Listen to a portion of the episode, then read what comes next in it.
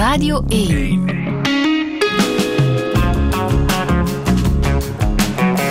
Touché. Met Friede Lesage. Touché met Frans de Waal. Goedemorgen. Goedemorgen. Hoe gaat het? Gaat goed? Ik ben zeer vereerd dat u hier te gast bent in uh, Touché, want u wordt omschreven als de meest vooraanstaande primatoloog ter wereld. Hmm. Is dat nu een uh, flatterende omschrijving of toch een heel zware last om te, om te dragen? Nee, het is geen last, maar het is misschien, ja, het is wat flatterend, ja. En ook een grote verantwoordelijkheid, toch? Als mensen op die manier naar u kijken. Mogelijk, mogelijk. Want u stond 15 jaar geleden ook uh, voor het Amerikaanse tijdschrift Time op de lijst van 100 invloedrijkste mensen ter wereld, om het even ja. te kaderen. Dat is toch wel wat, hè? Ja, ik kan me herinneren dat het Brabants Dagblad, want ik kom uit Brabant, Aha. dat die ervan hadden gemaakt dat uh, George Bush, de jonge Bush, die stond er niet op en ik wel. Dus dat was belangrijker dan de president. U woont ondertussen ook al 40 jaar in Amerika. Daar Mhm. bent u een bekende Amerikaan. Mm -hmm. Ja, ja, ja. En dat heeft zo zijn gevolgen. Als u lezingen geeft, dan zitten de zalen afgeladen vol. Normaal wel, maar nu de afgelopen in, in april, door de COVID-toestand, waren de mensen toch aarzelend om te komen. En dus de helft van de mensen zat online en de andere helft zat in de zaal. Dus dat was eigenlijk onprettig. Want ik, ik hou niet van halfvolle zalen. Maar nu in Nederland, ik, in Nederland uh, is volledig overgestapt uh, alsof er geen COVID meer is, weet je wel. Ja. En, en de zalen zaten wel vol. Ja. Ja. U geeft uh, lezingen omdat er ook weer een nieuw boek is. Hè? Anders, gender door de ogen van een primatoloog. Gender is een hot topic. Tegelijkertijd schrijft u, dit boek schrijven is misschien wel een van de domste beslissingen ooit. ja. Waarom zegt u dat? Ja, het boek is eigenlijk best redelijk ontvangen. Maar ik was, toen ik het schreef, was ik wel bang dat er enorme oppositie zou komen. Van waarom gaat een bioloog zich bemoeien met gender? Wat heeft dat met biologie te maken? Dat zijn dingen die je soms wel eens hoort, weet je wel. Maar um, ik geloof dat het, het grote publiek althans is best klaar voor een meer biologische kijk op de zaak. En het is razend interessant natuurlijk. Mm, ja. Wanneer heeft u bedacht dat kan wel eens een goede focus zijn voor mijn volgende boek? Wel, ik heb het gedaan omdat als ik lezingen geef en, en ik spreek over uh, seksverschillen bij de primaten. Uh, dan zijn er altijd vragen. Mensen willen altijd meer over weten. Het is net alsof er onder de mensen leeft een enorme dorst naar kennis over de biologie achter gender. En die krijgen ze niet. Um, de meeste sociale wetenschappers spreken daar niet over. Die zijn heel oncomfortabel met de biologie. En dus willen ze van mij als bioloog en primatoloog willen ze horen wat ik daarvan denk. Ja. ja en dat verschil kunnen we misschien meteen al even scherp stellen. Hè? Er is het geslacht, ja. mannen en vrouwen, maar er is ook gender. Ja, ja dus normaal spreken we van, van de seksen van een individu, of het geslacht. Uh, en dat is voor het grootste deel binair. Dus voor het grootste deel man versus vrouw. Uh, mannelijk versus vrouwelijk. En um, er zit, zit, een klein percentage tussenin, wat we vaak vergeten, maar dat zit er wel tussenin. Maar het is grotendeels binair. En, dan, um, en dat is biologisch. Dat is dus het chromosomen, de genitaliën, de hormonen, de hersenen enzovoort. En dan heb je gender. En gender zijn de verwachtingspatronen die we hebben als maatschappij. Van hoe je als man of vrouw je hoort te gedragen. En, en dat wordt met de paplepel ingegeven. En dat is per cultuur verschillend. Dat is per periode in tijd verschillend. Dus dat is heel cultureel afhankelijk. Dat is niet echt binair. Dat is meer. Ik verdeel het meer in mannelijk en vrouwelijk en alles wat er tussenin zit. Er zijn allerlei mengelingen uh, mogelijk. En uh, dat is een veel flexibeler concept, uh, gender. Ja. En, en, en het is heel goed dat we beide concepten hebben, want het betekent de een is meer de biologische kant, de andere, kant, is meer de, de maatschappijkant van, van uh, hoe je je hoort te gedragen. En er zijn natuurlijk uh, op gender zijn er allerlei, ook allerlei uitzonderingen, in de zin van dat er zijn individuen die willen niet meedoen aan de, aan de genderverdeling. En er zijn individuen die, uh, die beschouwen zichzelf als van een ander gender dan hoe ze geboren zijn. En, en zo, er zijn allerlei uitzonderingen op. En gender is een veel flexibeler concept. En hoe zou u zichzelf omschrijven? Ik zou mezelf omschrijven als een uh, geboren als man en identificeren als man. Ja. Heteroseksuele man. Mhm. Dus dat is, ook, is ook nog iets. Seksuele oriëntatie is ook nog iets wat erin komt. Ja. ja. En hoe voelt u zich? Voelt u zich ook 100% mannelijk? Nou, ik heb best wel vrouwelijke kanten, denk ik. en die zijn? Want, want voor mijn werk heb ik heel veel empathie nodig ook. Ja, Hè? Om, ja. te- om dieren te begrijpen en te volgen en ge- geïnteresseerd te zijn. Het, eh, alleen al de interesse heb je nodig natuurlijk. Hè? Dus eh, in die zin, ehm, ik, ik geloof niet dat je mensen kunt verdelen in puur mannelijk of puur vrouwelijk. Die zijn er misschien wel. Maar het is allemaal een, ehm, eh, een soort van wat we noemen een verdeling van gemiddeldes. Hè? Dus de, gemiddeld is de, de mannelijke man zo en gemiddeld is de vrouwelijke vrouw zo. Maar er zijn enorm veel overlappende figuren zijn er. Mensen die iets van, van allebei hebben. In uw boek zegt u, ik ben een feminist. Mhm. Dat bent u ook, hè? Ja, dat heeft te maken met ehm, de gelijkheid tussen de genders. Dus, dus dat is meer een opmerking over dat ik vind dat, eh, dat de maatschappij vrouwen minder goed behandelt. Zeker in het verleden natuurlijk. Maar we, we moeten ook eh, niet doen alsof dat allemaal opgelost is. Dat is nog, zeker bijvoorbeeld in Amerika hebben we nou die hele discussie over abortie. Dus we zijn eigenlijk weer terug bij eh, square one, zoals dat heet. Dus ehm, eh, de ongelijkheid tussen de genders is groot. En in sommige, sommige maatschappijen heel groot. En bijna altijd in het voordeel van de mannen. Ja, en dus in die zin ben ik een feminist dat ik vind dat dat moet veranderen. Frans de Waal, welkom in Touché. Dank je.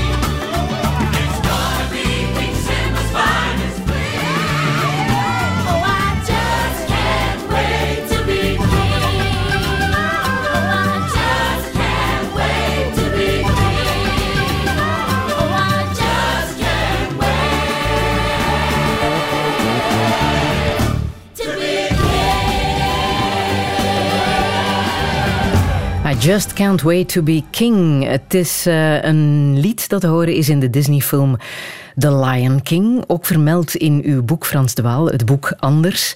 Primatologen kijken dus ook naar Disney-films. Niet zo vaak. Nee. Maar, het is die- iets wat u is opgevallen. Ja, die film die, die benadert erg eh, de, de, de man als king, hè? De, de, de, de leeuw.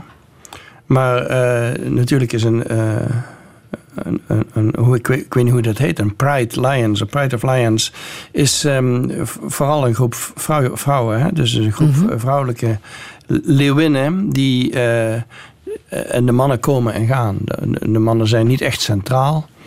zijn natuurlijk wel vaak dominant, want ze zijn groter dan de leeuwinnen.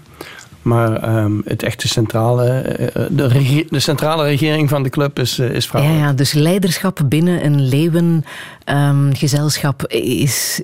Het klopt eigenlijk niet. Dat bedoel Nee, je. wij kijken naar de leeuw als de, de koning van het, Ja, eh, het Het dierenrijk. Ja. Ja. en dat klopt niet. Nee, dat klopt niet. Ja. In uw boek en ook in uw carrière eh, heeft u voornamelijk eh, onderzoek gedaan naar onze naaste verwanten, hè, chimpansees en bonobo's. Wij zeggen altijd bonobo's, maar het is bonobo's, Mm, Er is geen officiële uitspraak Ja. volgens mij. Ik zeg meestal bonobo's. Ja. waarmee we 96% van ons DNA eh, gemeen hebben. Ehm, kan, u, kan u even ruim schetsen, wat leren wij als het gaat over gender van mens-apen? Wat kunnen wij daaruit afleiden? Wel, er zijn, zijn twee dingen. Allereerst de biologische kant. eh, De, de bonobos en chimpansees zijn onze naaste verwanten. Zijn, eh, staan dichter bij ons dan welke andere diersoort dan ook. Eh, en eh, zijn, zijn pas afgesplitst van ons eh, zes miljoen jaar geleden. Dus dat is heel kort geleden. En wij zijn in feite mensapen. Wij, mensen beschouwen ons als, als iets anders. Maar we zijn in feite mensapen. We zijn grote primaten zonder staart.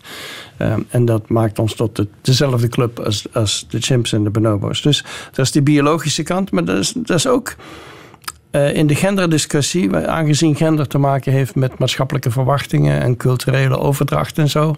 Dat vindt natuurlijk ook plaats bij de primaten. En daarom spreek ik ook van gender bij de primaten. Want ehm, eh, een chimpansee of bonobo is volwassen wanneer ze 16 zijn. Dat betekent dat ze hele lange jeugd hebben, net als de mens. En heel veel leren en oppikken. Waaronder, en ze zijn heel goed in het imiteren. Daarom hebben we het woord naapen, weet je wel. Eh, dus, dus ze imiteren ook de volwassenen om hen heen. Eh, meestal de jonge vrouwtjes imiteren hun moeder. En de jonge mannetjes imiteren de mannen om, om hen heen. We weten niet altijd wie de vader is. Maar er zijn natuurlijk altijd volwassen mannen aanwezig. En eh, ze pikken dus ook gedrag op. Dus er is ook een overdracht van hoe je je hoort te gedragen als man of als vrouw. Er zijn misschien minder strenge regels wat dat betreft, maar eh, ze, imiteren ook anderen. En daarom is het genderconcept ook van toepassing op hen. Ja, en waar ze zich voornamelijk mee bezighouden, is ook duidelijk eh, te zien. Hè. Mannen zijn bezig met territorium.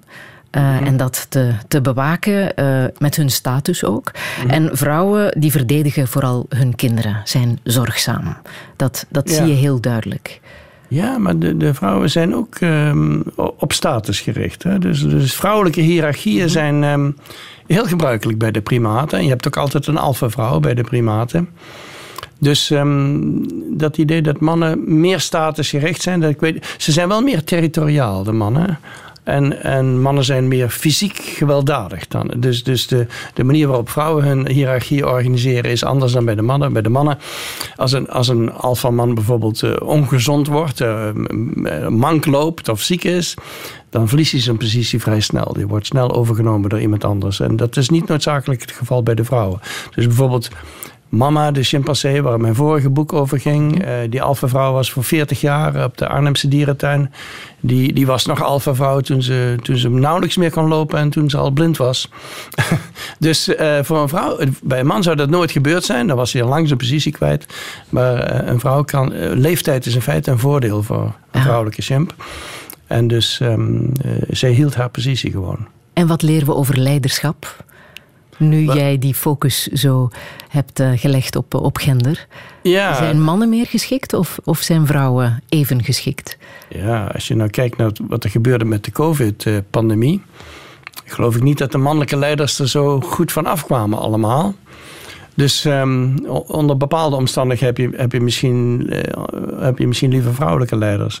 Nou, vrouwelijk leiderschap is helemaal niet moeilijk te vinden bij de primaten. Dus eh, daarom vind ik dat altijd een beetje vreemd. Dus men- mensen zeggen dat het meer natuurlijk is voor mannen om te domineren en eh, leiders te zijn. Ehm, dat is allereerst hebben we twee soorten waar we ons mee vergelijken, waarbij de een man gedomineerd is en de ander vrouw gedomineerd. Dus dat klopt daar al niet helemaal.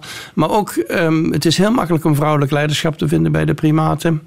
En ehm, zelfs in, in soorten zoals de chimpansee, waar de mannen fysiek dominant zijn over de vrouwen, kan vrouwelijk leiderschap heel machtig zijn. Dus die, die vrouwen die kunnen heel veel invloed hebben. Dus bijvoorbeeld mama, die chimpansee, die, die, die was heel belangrijk voor om te bepalen welke man alfaman werd. Dus, dus, dus de alfaman was altijd heel aardig met haar en speelde met haar kinderen. En, ehm, eh, want, want zij was een belangrijke politieke factor. Dus dan vraag je af wie is dan de machtigste van het stel, weet je wel? Als, als zij toch een grote stem heeft in wie de alfaman wordt. Weet je wel.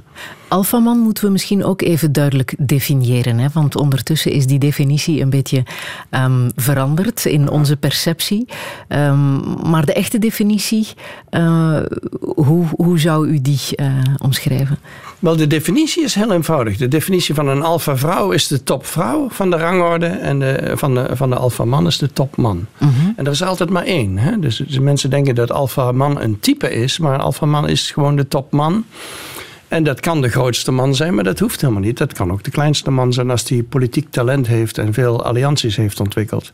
Dus ehm, een alfaman, eh, dat, wordt soms wel verkeerd gezien. Mensen denken dat een alfaman moet een, een, een bullebak zijn en een dictator en iedereen op zijn kop slaan om aan de top te staan. Maar dat hoeft helemaal niet. En je hebt alfamannen die echt eh, leiderschap vertonen en de groep bij elkaar houden en ruzies oplossen en stoppen. Eh, en, en, en uiteindelijk heel populair worden. Dat zijn, zijn geliefde alfamannen die bestaan. En geliefde alfavrouwen bestaan ook. Dus ehm, dat beeld van de alfaman als bullebak dat zo populair ge- geworden is in de businesswereld, ehm, daar geloof ik helemaal niet in. En, en ik ben deels verantwoordelijk voor het populair maken van de term alfaman. Want in mijn boek Simpel C Politiek, wat ik heel lang geleden geschreven heb, werd, werd die term vaak gebruikt. En de mensen hebben dat overgenomen in de politiek. En ik ben het er helemaal niet mee eens, die, die eenvoudige visie die ze ervan gemaakt hebben. Wat ook opvalt in het boek is dat ehm, de mensapen veel minder problemen hebben met eh, genderdiversiteit. Ehm, dat wordt heel erg aanvaard hè, binnen de Ja. chimpansee-gemeenschap en binnen bij de bonobo's. Ja. Hoe komt het dat dat bij mensen veel gevoeliger ligt? Dat weet ik niet. Ik, ben geen mensenonderzoeker. maar, maar, Maar het u is, bent er toevallig wel in. Ja. maar het is wel zo dat. ehm, allereerst, homoseksueel gedrag eh, is heel gebruikelijk bij de primaten. En je hebt inderdaad individuen die meer eh, hom- homoseksuele neigingen dan heteroseksuele neigingen hebben. Bij de bonobo's zou ik zeggen, ik beschouw bonobo's als voorkomen biseksueel. Dus ehm, ik geloof niet dat het hen veel uitmaakt, de gender van de partner. Ehm, maar bij andere soorten zijn, zijn er homoseksuele individuen of zijn individuen die in ieder geval vrij veel homoseksueel gedrag vertonen. En, en dat is nooit een probleem. En dan heb je in, daarbij heb je ook nog individuen die niet precies de gendernormen volgen. Dus, dus ehm, die, die- mannen die zich bijvoorbeeld niet mannelijk gedragen. Dus, dus je kunt een hele grote chimpansee-man hebben in een, in een groep die, die niet meedoet aan de politieke spelletjes en, en confrontaties uit de weg gaat en, en zich gewoon daar buiten houdt. Of je, of je kunt vrouwen hebben, zoals ik beschrijf in mijn boek, eh, een chimpansee Donna, die eh, zich zeer, steeds meer, hoe ouder ze werd, eh, steeds meer mannelijk ging gedragen. En ook een mannelijke lichaamsbouw had. Terwijl ze duidelijk een, een vrouw was bij geboorte, gedroeg ze zich uiteindelijk meer als een man dan als een vrouw. Eh, en, en die individuen zijn over het algemeen zeer geaccepteerd. En, en als je me vraagt waarom is dat bij de mens anders, waarom doen wij er zo moeilijk over? Ehm, ja, ik denk dat wij hebben een, zijn zeer normatief. Dus we hebben normen, sociale normen. En we bestraffen individuen die die normen niet volgen. En we zijn een, een, een taalkundige soort. We, we, we gebruiken symbolen en namen. En we, we, we plakken overal een, een label op. En dus je hebt mannen, je hebt vrouwen, je hebt homoseksuelen en heteroseksuelen. En we houden van al die labels die we gebruiken. En dat beperkt natuurlijk wel onze visie van hoe de zaak in elkaar zit. Want de wereld is niet verdeeld in, in eenvoudige hokjes. Maar dat zouden we misschien wel graag willen. De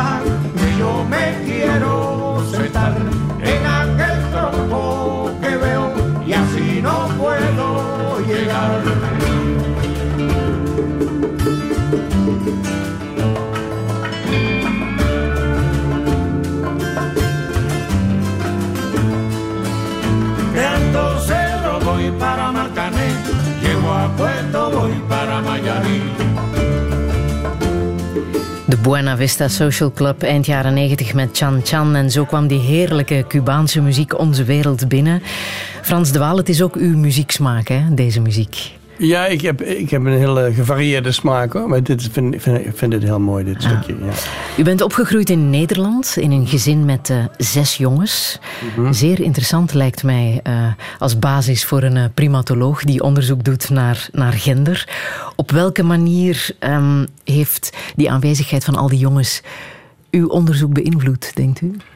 Ja, misschien, misschien op verschillende manieren. En eh, je kunt natuurlijk zeggen dat ik nieuwsgierig ben naar gender. Misschien omdat ik opgegroeid ben in een mannelijke familie met zeven mannen en één vrouw. En, en ik ging ook naar jongensschool in die, in die tijd. Ehm, dus dus ik, ik ben eigenlijk pas meisjes goed tegengekomen toen ik student werd aan de universiteit. Dus de, de, een zekere nieuwsgierigheid, maar ook, ehm, moet ik zeggen, in de psychologie, eh, althans in Amerika, ik weet niet hoe dat hier is, maar in, eh, wordt er heel vaak een soort van denigrerend gedaan over eh, mannelijke banden, mannelijke vriendschappen. Die, vrouwelijke vriendschappen worden gezien als diep en bijzonder en onthullend en weet ik wat, steunend. En, en mannelijke vriendschappen worden beschreven als vrij oppervlakkig en een soort van kinderlijk. Uh, en daar ben ik het helemaal niet mee eens. Dus uh, ik, ik, heb, ik, ik heb een heel andere visie misschien van man-man relaties dan veel van de psychologen hebben. Want die, beschouw, die beschrijven mannen als vaak overly competitief en concurrerend en op status gericht en afstandelijk. En ik geloof helemaal niet dat mannen zo zijn, persoonlijk. Uh, Omdat uw broers niet zo waren of zijn? Nee, omdat, omdat ik, uh, ik. Als gevolg van hoe ik opgegroeid ben, ben ik. Ik ben natuurlijk iemand die met, met mannen heel gemakkelijk contact heeft. Ik, ik, Ja. eh, ik, ik zie mannen niet als competitief. Of, eh, Maar ze, moeder- kunnen het wel, ze kunnen het wel zijn, en dat gebeurt natuurlijk wel. Mhm. Maar eh, de, mannen zijn interessant. Man- mannen hebben een soort van mengeling van rivaliteit en vriendschap. En zelfs de grootste vriend kan een rivaal zijn. En zelfs de grootste rivaal is potentieel een vriend. En dat is iets wat volgens mij eh, vrouwelijke psychologen eigenlijk nooit begrepen hebben. Want die, die zien dat als soort van eh, wederzijds elkaar uitsluiten. Je bent of een rivaal of vriend, maar je kunt niet allebei tegelijk zijn. En ik denk dat veel mannen, ik ben niet de enige, veel mannen begrijpen hoe dat gecombineerd kan worden. Maar vrouwen hebben daar meer moeite mee, denk ik. Uw moeder omschrijft u zelf als de generaal. Ja, Dat moest met zes jongens en een eh, echtgenoot. ja zij, zij, eh, kon natuurlijk niet alles zelf doen. En dus wij moesten voortdurend inspringen en afwas doen en aardappels schillen of wat we ook moesten doen. En zij, zij organiseerde dat, eh, dat hele leventje, ja. Ja, maar op een positieve manier was ze een positieve generaal. Ja, ja, ja. Ehm, u u bent nummer vier in de rij van zes. Mag ik zeggen dat u misschien hier niet had gezeten als de pil toen had bestaan? Ja, de, de pil bestond nog niet. Die kwam eraan op dat moment. En eh, ik denk dat mijn moeder wou niet zo'n grote familie. En, en zelfs zes kinderen in die tijd was nog niet eens het grootste. Er waren grotere families. Ook hier in België, neem ik aan. Eh, in België was net, eh, net als zuiden van Nederland erg katholiek georiënteerd. En dus grote families werden bevorderd door de kerk. En ehm, mijn moeder was daar niet zo'n grote fan van. En ik denk als, wij, als de pil eerder had bestaan, dan was ik waarschijnlijk niet geboren. Ja. Ja, maar de pil noemt u ook in uw boek. Hè? Het is een heel belangrijk kantelpunt voor de mens. Ja, dus de, de biologie wordt vaak gezien als de vijand. eh, in die genderdiscussie. Van we moeten eigenlijk van de biologie af, eh, we moeten eigenlijk van genders af eh, enzovoorts. Ehm, maar de biologie ehm, heeft ons de pil geleverd, biologie en medicijnen. Eh, en ehm, de pil heeft alles veranderd. De pil heeft mogelijk gemaakt dat families kleiner werden, dat vrouwen konden kiezen of ze kinderen wouden of mm, eh, het aantal kinderen wat ze wouden. En ehm, daarvoor was er natuurlijk wel die mogelijkheid. En die mogelijkheid was er wel om eh, familie, de familiegroei te controleren. Maar dat was moeilijker zonder de pil. Eh, en, eh, en de pil heeft dat allemaal veranderd. En het feit dat we nu een genderdiscussie hebben, is voor een groot deel omdat we eh, vrijwillig kleinere families kunnen hebben. Ja, die heeft echt wel invloed gehad op genderrollen nu. Ja. Ja. Waar ligt voor u de kiem ehm, voor uw interesse in, in biologie? Kan u dat zeggen? Maar mijn interesse is vooral, ik, ik, ik hou van dieren. En, en dus ehm, ik ben altijd aangetrokken geweest tot dieren. Het is niet zozeer de biologie, het is meer dat ik met dieren wilde werken of die, dieren wilde hebben. En, eh, Hadden jullie dan veel dieren thuis? Nee, de familie zelf niet. Ik wel. Ik had een hele dierentuin opgebouwd. Van kleine beesten. En ik, en ik, en ik ben nog steeds gek op eh, aquatisch, aquatische leven. Zoals vissen en salamanders, Ah ja? dat soort beesten. Huh? Ehm, maar het was niet zozeer dat mijn familie zo gericht was op dieren. Ja. En van waar eh, vissen en salamanders? Eh, van Ik- waar die liefde? Ik ben, van jongs af aan heb ik, ben ik altijd gaan vissen. Met, met, Ah. met- niet met een hengel, maar met een net. En, en verzamelde ik dieren. En ik heb nog steeds... ehm, ik heb mijn hele leven aquaria gehad. Ik heb thuis enorm, twee enorme aquaria staan. Dus ik ben nog steeds eh, gek op eh, visleven. En, en vissen worden enorm onderschat. Maar we, we- we zullen het vandaag hebben over de primaten. Dat vissen misschien een volgende boek. Vissen zijn heel interessant, ja. Ja. Maar aan de biologieleraar eh, uit uw jeugd zal het niet gelegen hebben, hè? Ah, ja, mijn biologieleraar, daar had ik, daar had ik ruzie mee. Echt? Ja, op de middelbare school. En, en ehm, ja, die man was heel onvriendelijk en, en heel saai. En ehm, ja, eh, ik was natuurlijk ook een heel onrustig kind, moet ik zeggen. Dus ik was niet het, het makkelijkste jongetje in de klas. Maar ik kreeg met hem ruzie en als gevolg wilde ik eigenlijk geen biologie gaan studeren. Ehm, terwijl mijn moeder eh, meteen toen ze hoorde wat ik wilde gaan doen, want ik wilde eh, mathematiek gaan doen of zoiets, wiskunde aan de universiteit. Hetgeen ik zo blij ben dat ik niet gedaan heb, want ik ben volgens mij helemaal niet zo goed daarin. Maar ehm, die, mijn moeder zei gelijk van nee, je moet biologie doen, want je hebt je hele leven dieren gehad. Dus eh, zo ben ik toch uiteindelijk in Ja, de biologie u heeft geluisterd naar de ja, generaal. ja.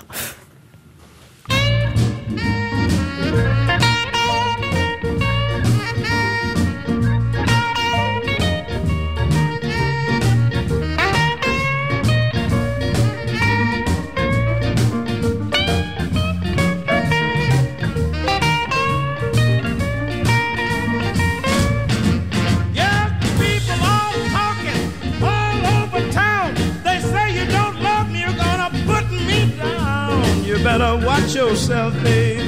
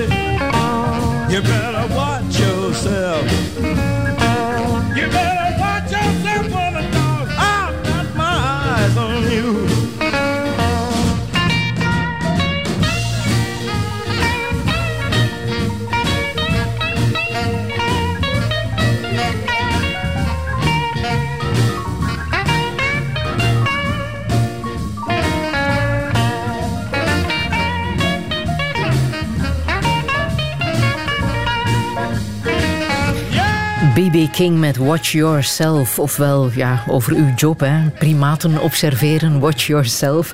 Frans de Waal, eh, dit zong hij in 1968, toen was u er 20, klopt hè?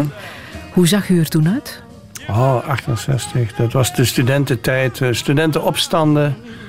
Ik had lang haar toen. En eh, ja, we waren echt tegen autoriteit en tegen de universiteit. Massale protesten in die tijd. En ook tegen de oorlog, tegen de Vietnamese oorlog natuurlijk. En wist u toen al wat u met uw studies wou aanvangen? Ehm, ik, ik, ik zat toen in Nijmegen. En ik was niet blij met mijn studies, want in die tijd ehm, de biologie ging de kant op, zei ze, van biochemie. Hetgeen we tegenwoordig moleculaire biologie noemen. En we moesten allemaal die kant uit. En ik had er helemaal geen zin in. Ik, ik wilde met dieren werken. En de enige dieren die ik zag waren dode dieren. Dus eh, in formaldehyde, die, die we open moesten snijden. En, en ehm, het, het was een soort van biologie waar ik helemaal geen zin in had. En dus toen ben ik vertrokken uit Nijmegen naar eh, Groningen. Waar ze wel een programma in etologie hadden. Etologie is de het gedrag van dieren, studie van het gedrag van dieren. En, en dat is eigenlijk pas waar ik me echt thuis voelde. Dus in Nijmegen heb ik wel een heleboel goede, basale biologie opgestoken. Maar het was niet het soort van biologie wat ik eh, wilde doen later in mijn leven. In de zomer van 1976 heeft u een heel belangrijk gesprek gehad op een eh, conferentie over primatologie in Cambridge. Een gesprek met Bob Goy. Ja, Bob Goy eh, was de directeur van het Wisconsin Primate Center in, in, in Amerika. En die hoorde mij spreken en ik gaf een heel klein lezingje, ik denk 10 minuten of misschien 15 minuten lang. En eh, die kwam naar de hand naar me toe en die zei van, je moet bij mij komen werken. En ik was helemaal niet mentaal klaar om zomaar over te stappen naar Amerika. Daar had ik nog nooit over nagedacht. Eh, en dus het heeft een tijd genomen, ik geloof één à twee jaar genomen voordat ik een beslissing nam om dat te doen. En toen ben ik naar Amerika vertrokken met het idee dat ik daar misschien eh, eh, een paar weken of een paar maanden zou blijven. Maar het is uiteindelijk, het is nu 40 jaar verder, dus ik ben uiteindelijk gebleven. En kan u zeggen waarom hij u zo heeft overtuigd? Ja, ik weet niet wat, wat hij in me zag. Hij, hij zag iets in me wat anderen niet zagen misschien. En hij was ervan overtuigd dat ik een, eh, een, een goede wetenschapper zou zijn voor zijn primatencentrum. Hij gaf me ook meteen alle vrijheid toen ik daar kwam. Eh, er werd ook geen druk op me gezet om geld binnen te halen. Wat tegenwoordig natuurlijk alle wetenschappers moeten doen. De hele dag zijn ze daarmee bezig. Hij, hij vond het volkomen onnodig. Hij, hij gaf me een assistent en een plek. En ik kon doen wat ik wilde. Klein detail misschien, maar toch heel opmerkelijk. Eén zinnetje in uw boek. Toen u in de jaren tachtig uiteindelijk naar Amerika verhuisde, moest u een formulier invullen. Hè, waarbij u bevestigde dat u geen communist was en ook geen homoseksueel. Ja, Daar komen we vandaan. Ja, dat vond ik wel. ehm, eh, eh, ik kwam dus terecht in, in Amerika in een soort van seksuele moraliteit van de vijftiger jaren, in mijn opinie. Ze hadden natuurlijk ook geen homohuwelijk toen, wat we in, Nederland eh, als eerste hebben gehad. Ehm, ze- waren heel ouderwets en ze zijn heel preuts natuurlijk. Amerikanen zijn heel preuts wat betreft seksualiteit.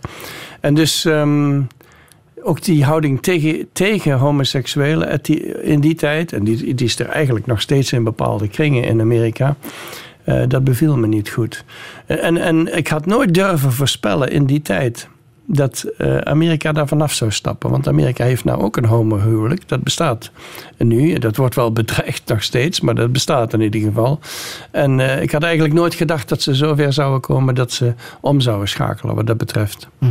Maar de mogelijkheden die u daar had als onderzoeker, hebben u daar toch wel gehouden. Hè? Kan u zeggen ja, op welke manier dat u daar de vrijheid kreeg om te doen wat u echt heel graag wou doen? Wel, Amerika is een heel stimulerend land voor, de, voor een onderzoeker. Eh, al- althans, zeker een succesvolle onderzoeker. In de zin van dat je. Eh, eh, succes wordt gewaardeerd. Dus in, in Nederland, als je veel succes hebt, dan word je de, de kop ingeslagen van, van doe maar gewoon, dan doe je al gek genoeg. Of eh, Nederlanders hebben, misschien ook de Belgen, hebben een neiging om te egaliseren. En mensen die er bovenuit schieten, die moeten, moeten maar een toontje lager zingen op een gegeven moment. En dat is helemaal niet zo in Amerika. Als je er bovenuit schiet, dan applaudisseren de mensen je. Dus dat is erg stimulerend. Dus als bijvoorbeeld op een afdeling op een universiteit iemand een enorme grant binnenhaalt dan, dan wordt er misschien jaloers naar gekeken hier aan de universiteit. Maar in Amerika applaudisseert iedereen en ze bouwen een feestje en iedereen is hartstikke blij. Want dat is natuurlijk eigenlijk ook heel goed voor het departement dat dat gebeurt. Dus iedereen heeft er eigenlijk ook profijt van. En, de, en dat, dat wordt zo gezien in Amerika en dat is veel stimulerender dan, dan wat je soms eh, hier eh, in Europa meemaakt. En kan u zeggen wat voor u de grote doorbraak is geweest in, in uw werk? Waarmee u een snaar heeft geraakt? Wel, mijn eerste boek, Chimpansee Politiek, wat uitkwam precies in de tijd dat ik naar Amerika vertrok, eh, heeft een, een diepe indruk gemaakt en is nog steeds, is nog steeds wordt het gedrukt en gelezen. Ehm, ehm, dus dat misschien. Maar vooral later ben ik gaan werken aan empathie bij dieren. En aanvankelijk werd dat idee niet goed ontvangen. En men, men vond dat dieren geen empathie konden hebben. Eh, nu zegt iedereen, mijn hond is empathisch. En, en, ik, is nu 25 jaar later, de mensen zien wel dat dat een mogelijkheid is van dierlijke empathie. Maar ehm, ik ben daar als eerste aan beginnen te werken. En, en heb geprobeerd het idee eh, eh, gangbaar te maken. En eh, dat is misschien mijn grootste succes. Is dat, eh, de, de, de, de bevindingen over emoties en empathie bij dieren. Ja, ja. Ja. En in vergelijking met mensen, met menselijk gedrag. eh, als een feit, als een continuïteit. De dierlijke empathie en menselijke empathie zijn niet fundamenteel verschillend, denk ik. Ja. Ja. En denkt u dat u op die manier het fundament heeft kunnen veranderen in de manier waarop onderzoek is gedaan sindsdien? Ja, ik denk, ik denk dat ehm, dat soort theorieën worden. Nu, nu wordt er onderzoek gedaan bij knaagdieren aan empathie. En bij Ja. honden en bij allerlei dieren. Dus ehm, het heeft wel eh, de, de blik eh, van de wetenschap veranderd. Ja. Ja. ja. U bent zelf een man, dat is Mhm. duidelijk. U zegt ook in het, in het boek, ehm, er zijn op zich niet zo heel veel vrouwelijke onderzoekers. En dat maakt ook wel een verschil als je kijkt naar alle onderzoekers die er de voorbije jaren zijn geweest, dat die toch wel heel erg mannelijk gericht zijn. ja. Wel, we hebben die overgang gezien binnen de primatologie. Ja? Want ehm, in de 60 jaren, 70 jaren kwamen er steeds meer vrouwen binnen. Nu zijn er meer vrouwen in de primatologie, zou ik zeggen, dan mannen. En eh, als ik vergelijk, vroeger als ik naar een conferentie ging van primatologen, dat was bijna eigenlijk alleen maar mannelijke sprekers. En, en de grote helden, de grote, de grote namen waren allemaal mannen. Eh, en die spraken vooral over hoe mannelijke primaten de groep structureren. En eh, ze spraken eigenlijk nauwelijks over vrouwelijke primaten en, en hoe ze met hun kinderen omgingen. Of wat voor familiebanden ze vormden of zo. Eh, en toen kwamen de mm, vrouwelijke primatologen binnen. En die gingen heel anders kijken naar bijvoorbeeld een bavianentroep. Dus terwijl bavi bavianen, dat- dat waren de eerste primaten die heel veel bestudeerd werden in het veld. Terwijl bavianen eigenlijk een vrouwengroep zijn met vrouwelijke banden. En, en de mannen die komen en gaan, want de mannen die komen van buiten meestal. ehm, hadden de mannen de bavianen afgeschilderd als eh, geregeerd door de mannen door de mannelijke bavianen. En ehm, dat is helemaal veranderd onder invloed van de vrouwelijke primatologen. dus heel... de, dus de, de wetenschap die zij bedreven was hetzelfde als de wetenschap die de mannen bedreven. Dezelfde regels voor de wetenschap die we hanteerden. Maar hun perspectief was eh, behoorlijk anders. Ja. Ja. U geeft eh, sommige bekende wetenschappers zelfs eh, behoorlijk van langs hè, in uw eh, boek. Is dat bewust? Wil u duidelijk maken welk wetenschappelijk onderzoek nog relevant is en, en welk niet? Wel, er, er was er één, ik weet niet welke je bedoelt, maar er was er één Solly Zuckerman in Engeland die. ehm, ja, die, dat was ook zo vreselijk. Die heeft een, een stel bavianen bij elkaar gezet in de dierentuin van Londen. Eh, in de ver- verkeerde seksratio. Dus hij had eh, 95 mannen, geloof ik, en vijf vrouwen. Die heeft die bavianen heeft hij bij elkaar gezet. En is een bloedbad geworden. En toen ging hij populaire boeken schrijven om uit te leggen hoe de primatensamenleving bestaat uit agressieve mannen die elkaar tot de dood bevechten. En vrouwen hebben niets te vertellen. En zo heeft hij de primatologie beschreven. En, en dat is overgenomen door heel veel populaire auteurs. En dat is een verhaal geworden wat de mensen nog steeds geloven.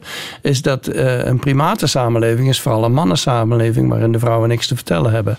En eh, ja, dus daar, eh, dat is inderdaad grote nonsens. En, en zelfs, het geldt zelfs niet voor primaten in het wild. En het geldt, eh, geldt zeker niet voor primaten in het algemeen. Want u hebt onderzoek gedaan op vele vlakken, en zowel in het wild als in, in reservaten.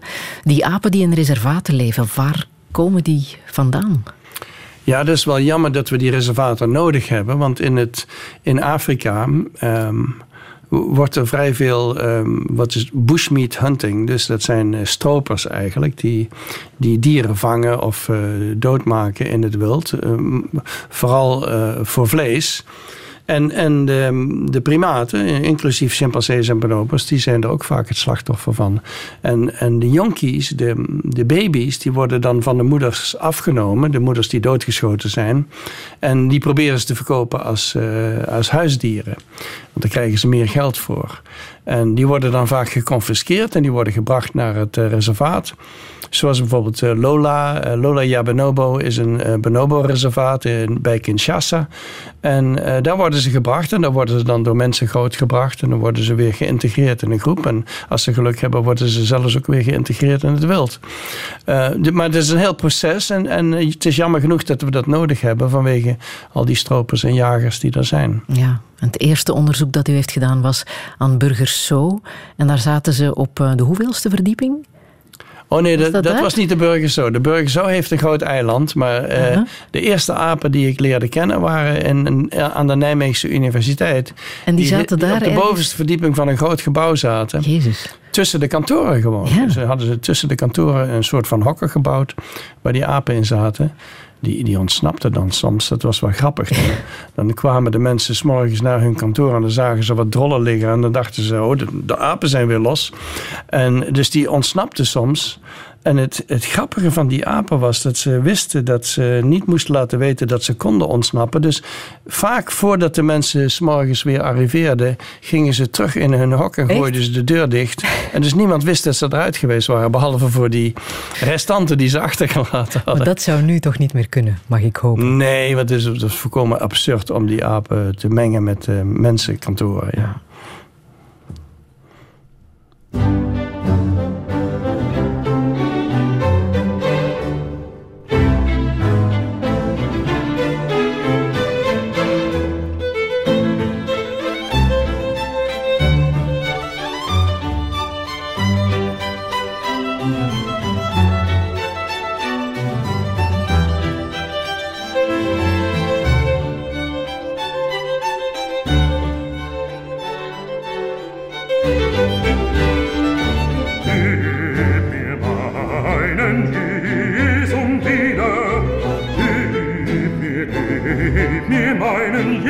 Wieder.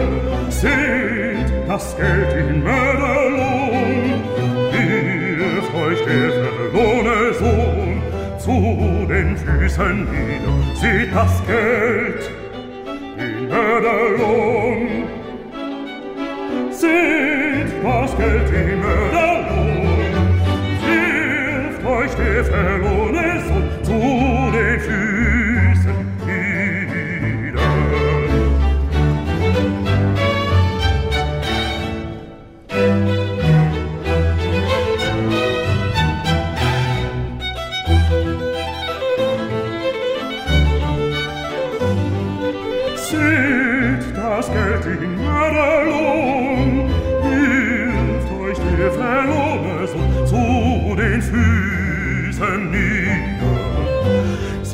das Geld dem Erden und wirft euch der verlorene Sohn zu den Füßen.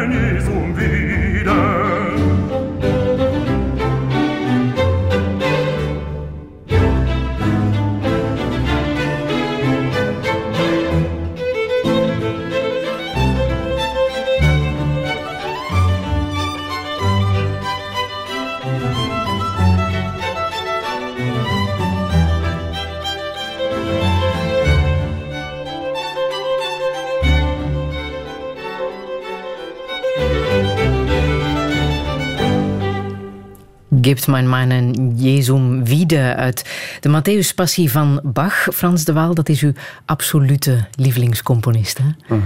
Ja. Kan u hem zelf ook spelen? Ik speel op de piano, ja. Ja. Had u ook een, eh, een pianist kunnen worden? Mm, nou, dat denk ik niet. Eh, Om, Zegt u slechts één op de duizend goede pianisten wordt een, een eh, echte... Ik kan ervan leven, dus eh, ik Mhm. denk niet dat dat lukt. Nee. Maar de liefde voor muziek is er wel altijd Ja, geweest. ja, Mm. Ja, en is erg groot. Ja. Zijn eh, primaten gevoelig voor muziek? Wel, er was een, een tijd dat, dat we dachten, want mensen hadden experimenten gedaan, dat het hun niets kan schelen of ze muziek hoorden of niet en wat voor muziek. Maar er zijn nu wat onderzoekjes die aangeven dat ze wel degelijk ritme volgen. En eh, wij hebben ooit een, een, een experiment gedaan eh, waarbij we via luidsprekers eh, muziek li- lieten horen aan de chimpansees. En, en keken hoe, vaar, hoe ver ze van de speakers gingen zitten. En, en er was een bepaalde muziek, ik geloof het was Indiaanse muziek, waar ze dichter bij de speakers zaten. Dus ehm, ja, ik weet niet of dat, wat dat betekent hoor. Maar Ja. en of ze naar Bach luisteren, dat heeft Bach dat hebben, hebben we nooit uitgeprobeerd. Ja. We gaan toch eens proberen of het effect heeft. Eh, de tekeningen in het boek dat u heeft geschreven, Anders, over eh, gender, ehm, die zijn van u. Hè? Ik heb er ja. even de colofon op nageslagen. Ja. Dus u tekent. Ja, dat, dat is, eh, op een gegeven moment had ik zelfs het idee dat ik misschien kunstenaar wilde worden. Want ik heb altijd erg van tekenen gehouden. En, en ik heb ook heel veel gefotografeerd. Er staan ook foto's van mij in het eh, boek. Eh, fotografie is pas later gekomen. Maar tekenen deed ik als kind al heel veel, ja. Is dat als ontspanning of maakt dat ook deel uit van, van uw onderzoek? Kan u iets met tekeningen tijdens uw onderzoek? Mm, nee, dat is meer ter illustratie. Ik vind, ik vind dat mensen willen altijd zien. eh, Hebben, Ja. hebben niet voldoende voorstellingsvermogen om te, te begrijpen wat ik beschrijf. En dus eh, foto's en tekeningen zijn noodzakelijk. Ja. Ja. De tuin der lusten is het net niet geworden, hè? de tekeningen van. eh, De van Tuin der Lusten. Ik heb, ik heb ooit een boek geschreven, De Bonobo en de Atheïst. Het, eh, Mhm. waar ik- waarin ik veel zeg over de Tuin der Lusten. Ik kom uit een bos zelf. En Jeroen Bos werkte daar natuurlijk. En, en dus de Tuin der Lusten is een van mijn lievelingspaintings. Ja. Ja, stel nu dat, want ja, dat is 500 jaar oud, dat u eh, toch eens een gesprek kon hebben met Hieronymus eh, Bos, kijkend naar dat immense drieluik, de Tuin der Lusten, ja. in het Prado in Madrid. Waarover zou u dan praten met hem? Ja, ik, zou- ik zou willen weten, want zijn, zijn de tuin der lusten is, is problematisch wat betreft de moraliteit. Hè? Dus in die tijd werd natuurlijk gezegd dat de moraliteit kwam van God. Eh, onze morele regels komen van God. En eh, God is eigenlijk niet te zien behalve op het linkerpaneel, waar, ehm, waar eh, Adam en Eva in het paradijs zijn nog. Maar, maar in de, in de eindtafereel, eh, waar dus eigenlijk eh, alle verdoemenis uitgesproken wordt over degenen die fout zijn geweest in hun leven, eh, daar komt God niet meer in voor. En het is net alsof eh, Hieronymus Bos aan het spelen was met het idee van misschien is er een moraliteit zonder God mogelijk. Eh, en, en hij leefde in diezelfde tijd als Erasmus. Erasmus kwam een beetje later. En dus dat humanisme was aan het opkomen in zijn tijd. En misschien was hij daardoor beïnvloed of beïnvloedde hij hen. En ik zou wel willen weten wat zijn visie was op de rol van de godsdienst in de menselijke samenleving en moraliteit. En wat denkt u? Wel, ik denk dat hij sceptisch was. En, en ik denk dat zijn eh, schilderijen dat een beetje uitbeelden. Ja. En wat denkt u zelf in hoeverre dat religie onze normen en waarden mee hebben Wel, we zijn bepaald? natuurlijk een enorm christelijke samenleving in, in Europa. We zijn doordrenkt van eh, christelijkheid. Maar op het ogenblik zijn natuurlijk eh, vrij veel mensen, eh, misschien de helft van de mensen in Nederland, zijn atheïsten. Gaan niet meer naar de kerk. Mhm. Maar zijn nog steeds is natuurlijk heel beïnvloed door de christelijke waarden die er zijn. En als het gaat over gender, in hoeverre zijn zij bepalend geweest? Eh, Ja, de genderdiscussie. eh, soms in Amerika wordt natuurlijk gezegd van, van God heeft eh, bedoeld dat er mannen en vrouwen zijn en anders niks. En, en dat homoseksualiteit is fout volgens de Bijbel. De Bijbel zegt in feite heel weinig over dit soort dingen. Eh, zegt ook niks natuurlijk over, over transgender mensen. Ehm, dus om de Bijbel erbij te slepen is een beetje een stretch, vind ik. Maar ehm, dat proberen ze natuurlijk wel. Ik eh, laat nog even muziek horen die ook te horen is in eh, de Franse documentaire Petite Fille, waarin eh, Sébastien Lifshitz een jaar lang Sasha heeft gevolgd, een transgender kind, dat al heel erg vroeg wist dat ze meisje wou worden later als ze groot zou zijn.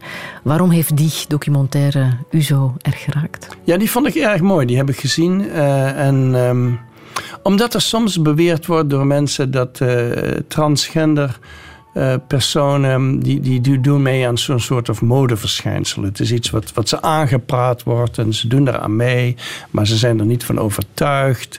En, eh, en het is ook niet eh, iets wat diep in ze zit. Het is iets oppervlakkigs. En ehm, daar klopt natuurlijk niks van, want de meeste transgender personen, die zijn, dat, dat begint heel erg vroeg in het leven. Het is niet iets wat ze in de puberteit als tieners eh, aangepraat wordt. Eh, heel vroeg in het leven begint dat. En die, en die film laat dat zien. Dat, dat jongetje is misschien drie of is heel erg jong. eh, dat die kleren van zijn moeder gaat aantrekken en, en zegt ik ben eh, eigenlijk een meisje. En, en op een gegeven moment gaat de familie daarin mee, gelukkig. Die, die- want er zijn natuurlijk ook families die zich enorm verzetten daartegen en daar niet aan meegaan. Dus de familie gaat er dan in mee. Eh, maar het is, het is belangrijk om te weten voor mensen dat ehm, transgender personen, die zijn er diep van overtuigd. En het is iets wat heel vroeg begint. En die zijn eh, niet van hun ideeën af te brengen, want het, want het zit heel diep in ze. Ja. Ja. De moeder zegt ook op een bepaald moment: de kinderen van eh, de klas van Sa- Sasha aanvaarden haar zoals ze is, nu de volwassenen nog. Ja. Er zit heel ja, erg veel ja, de in, kinderen waren sneller, ja. Ja, ja. En wij kunnen misschien ook heel erg veel leren van ons eigen biologisch gedrag via onze eigen kinderen, Ja, denk ik dan. Ja. We luisteren nog heel even naar eh, die prachtige muziek uit eh, die documentaire Petite Fille.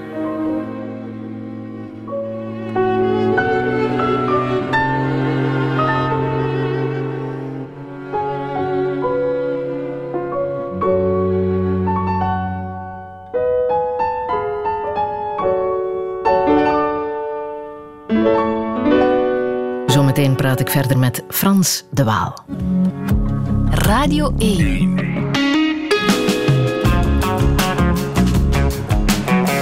Douché. Met Friede Lesage. Touché met Frans de Waal, volgens velen de meest invloedrijke primatoloog ter wereld. Zijn hele carrière lang bestudeerde hij het gedrag van mensapen, van empathie tot conflictbeheersing, en stelde vast dat we daar ontzettend veel kunnen van leren. In zijn nieuwste boek, Anders, onderzoekt hij hoe primaten omgaan met genderverschillen. Maar hoe moet het verder? Kunnen we onze aangeleerde normaliteit nog terugdraaien? Wat vindt hij van de Amerikaanse wapenpolitiek? En wat te doen met zijn pensioen? Dit is Touché met Frans de Waal. Een zeer goede middag.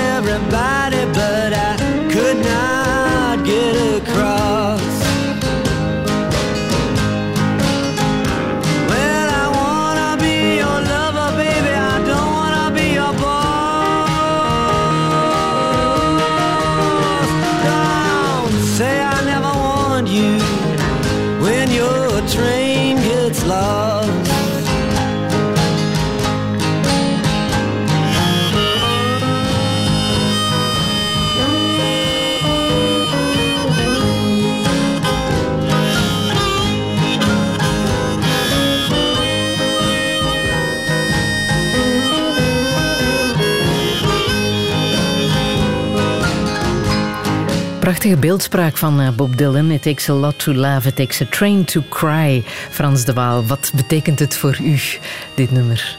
Wel, ik, ik, noteer net dat hij... eh, Doesn't my gal look great if she comes after me? Zoiets zingt hij. Van, van eh, zijn- zijn- zijn- zijn- zijn meisje die achter hem aanloopt. Ja. Over gender gesproken. Ja, ja, ja. ja. ja. Maar eh, voor hem suggereert hij dat het, eh, ja, dat het leven fundamenteel triest is. Mhm. Ja, een tranendal. Ja. Ja, ja. Wat denkt u? Is het leven Nee. fundamenteel triest? Zo, zie ik, zo zie ik het leven niet. En ik weet, ik weet niet of Bob Dylan zijn leven echt zo ziet. Maar ja. Mm, Maar u bent een optimist, hè? ik ben een optimist over het algemeen, ja. Ja. Wat maakt van u een optimist? Ik weet niet, je wordt waarschijnlijk geboren als optimist of pessimist. Je hebt, je hebt mensen die zijn hun hele la- leven lang pessimist.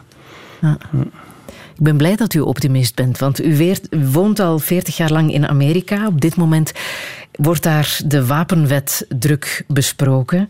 Ehm, dit jaar alleen al zijn er eh, zo'n 27 schietpartijen geweest op Amerikaanse scholen. De meest recente eind mei op de basisschool in eh, Texas.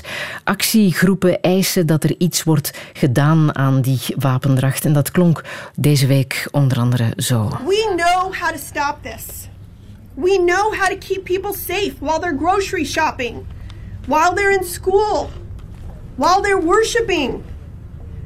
So we ask our senators, who do you work for?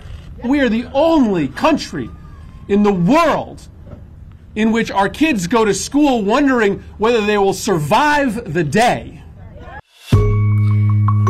Amerika, het enige land waar ouders zich afvragen of hun kinderen de dag zullen overleven. Frans de Waal.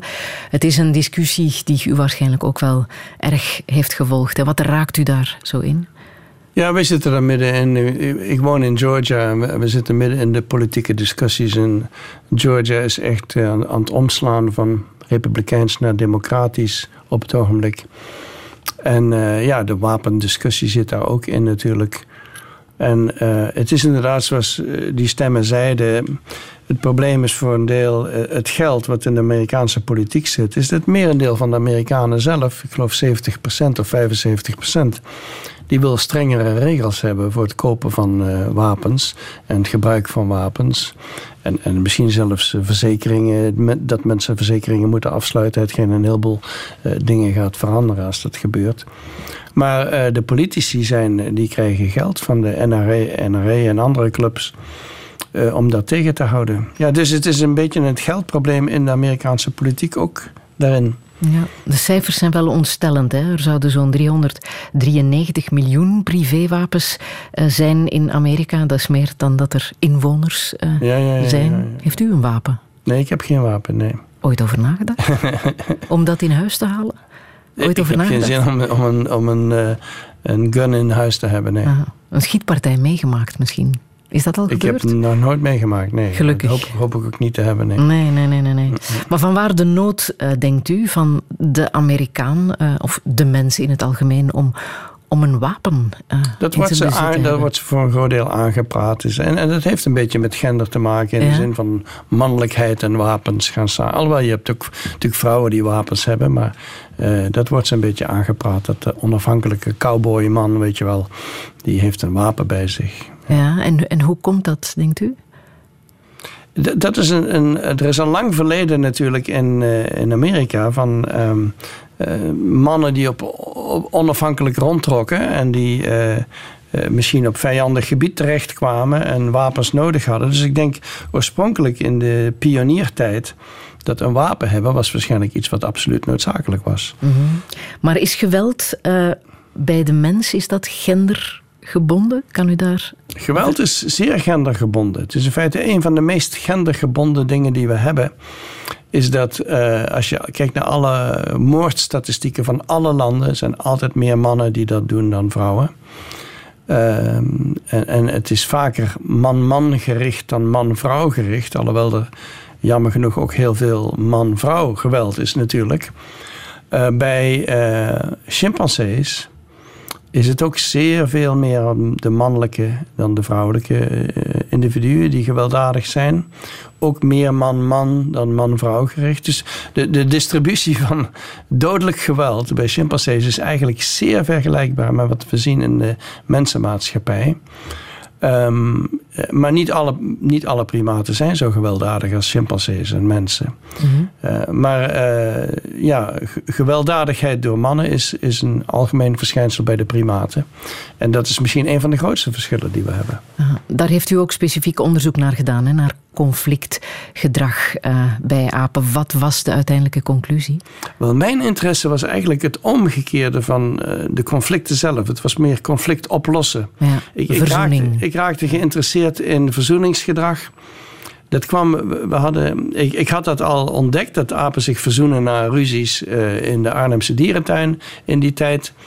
Eh, en eh, toen is er een dramatisch geval gebeurd daar in die dierentuin. Er is een, een, een volwassen mannelijke chimpansee gedood door twee anderen. En, ehm, en dat heeft mij, heeft me heel erg aangegrepen. En als gevolg dacht ik van ik moet me eigenlijk meer gaan richten op die conflictoplossing en verzoening. Eh, meer kijken hoe dat werkt. Want duidelijk als het niet werkt, dan gebeuren er vreselijke dingen. En eh, zo ben ik, eh, toen ik naar Amerika vertrok, eh, had ik het plan, ik, ga verzoeningsgedrag bestuderen. En, en dat heb ik ook gedaan. Nu weten we trouwens dat verzoeningsgedrag voorkomt bij allerlei soorten. Allerlei sociale dieren en, en niet alleen zoogdieren, maar allerlei sociale dieren hebben verzoeningsgedrag. Maar in die tijd was dat een soort van pioniering, iets om te doen. En ehm, toen kwam ik op een gegeven moment ook bij de bonobo's terecht, die erg goed zijn in het oplossen van conflicten. En heel weinig eh, van dat soort eh, gewelddadige agressie hebben. Eh, dus ehm, ik- dat, is, dat heeft mijn interesse opgewekt. Ja. Ja, en kan u dan zeggen dat primaten van nature goed zijn en dat de mens ook van nature goed is? Hmm, dat weet ik niet. Ik, ik weet niet of dat de, de juiste manier is om het te stellen. De, de, de mens heeft een enorm arsenaal aan gedrag wat hij kan vertonen. Van uiterst positief, meer altruïstisch en meer positief en aardiger dan welke soort dan ook. Want wij kunnen ontzettend altruïstisch zijn.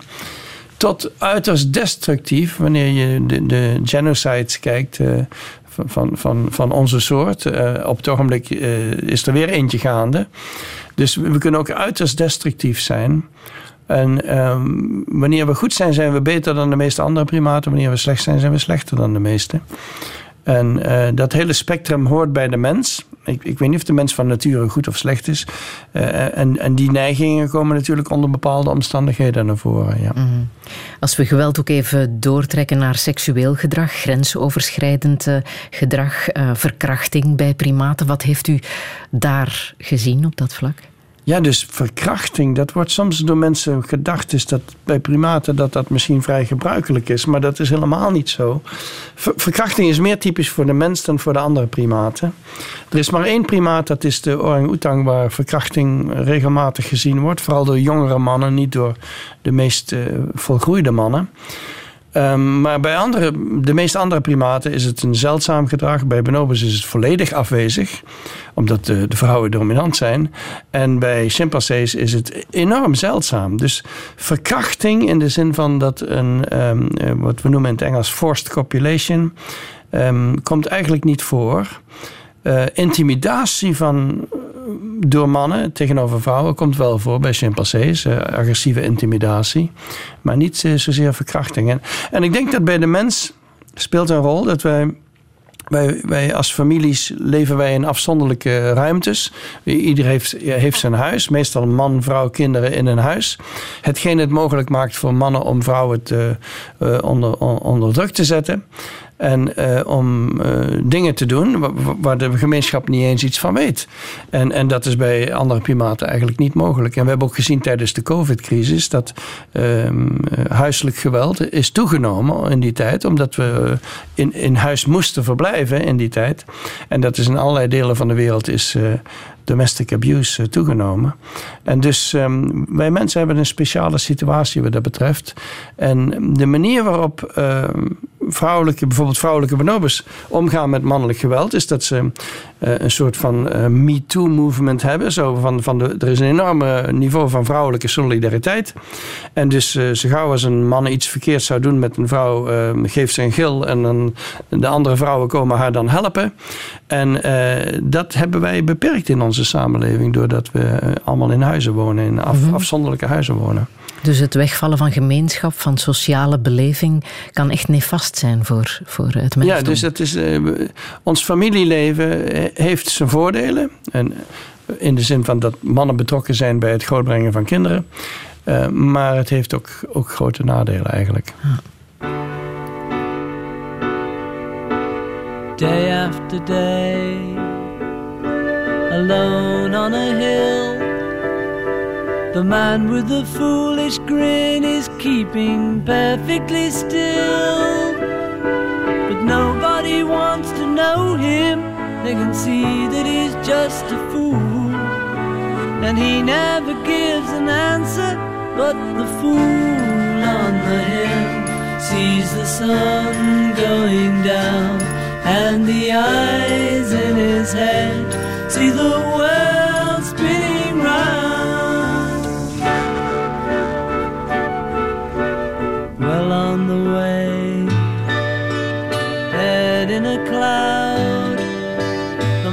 a thousand voices talking perfectly loud.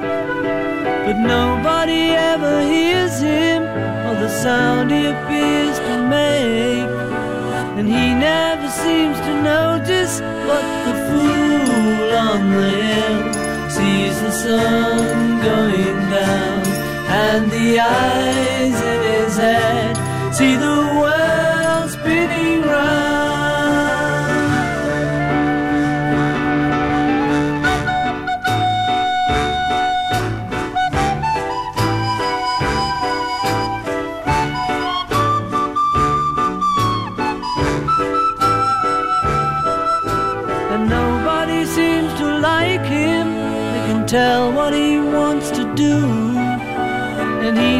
shows his feelings. But the fool on the hill sees the sun going down, and the eyes in his head see the world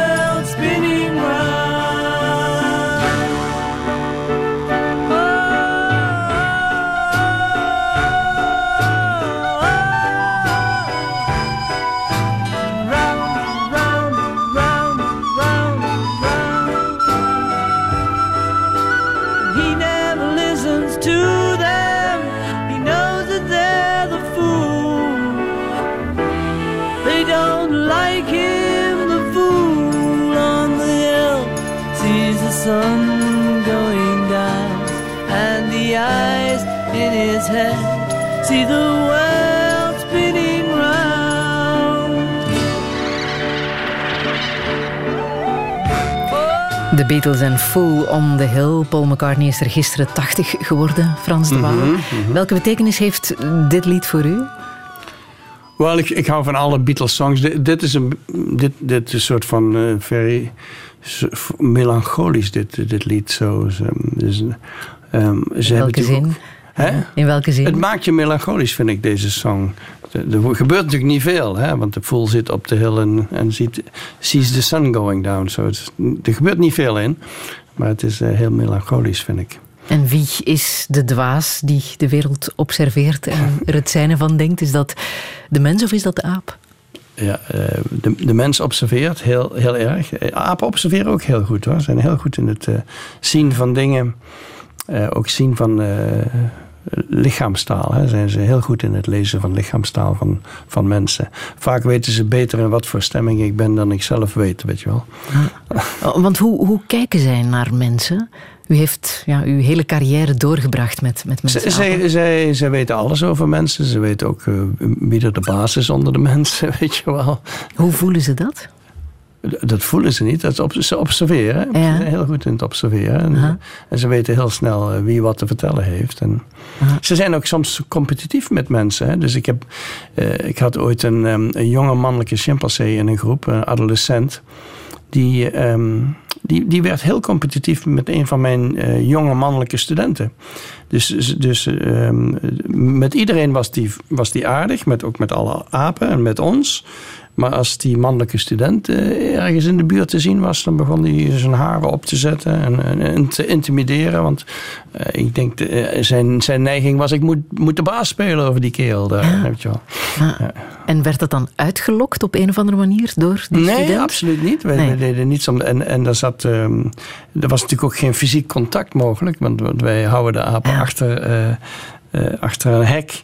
Dus ehm, het was niet gevaarlijk, maar het was, eh, was wel duidelijk dat hij dat, hij dat zag als een rivaal eigenlijk. Ja. Maar ik kan me wel voorstellen dat je als onderzoeker natuurlijk een soort vertrouwensband moet creëren hè, met, Mhm. met eh, de primaten. Hoe, hoe doe je dat? Wat, wat is belangrijk? Nou, je, je bent aardig met ze. Ik, ik, heb, ik heb ook altijd gespeeld met de jonge apen. Dus zo- zodat als ze groter worden, dan kennen ze mij nog. En eh, ik, sommige apen heb ik eh, 25 jaar mee gewerkt.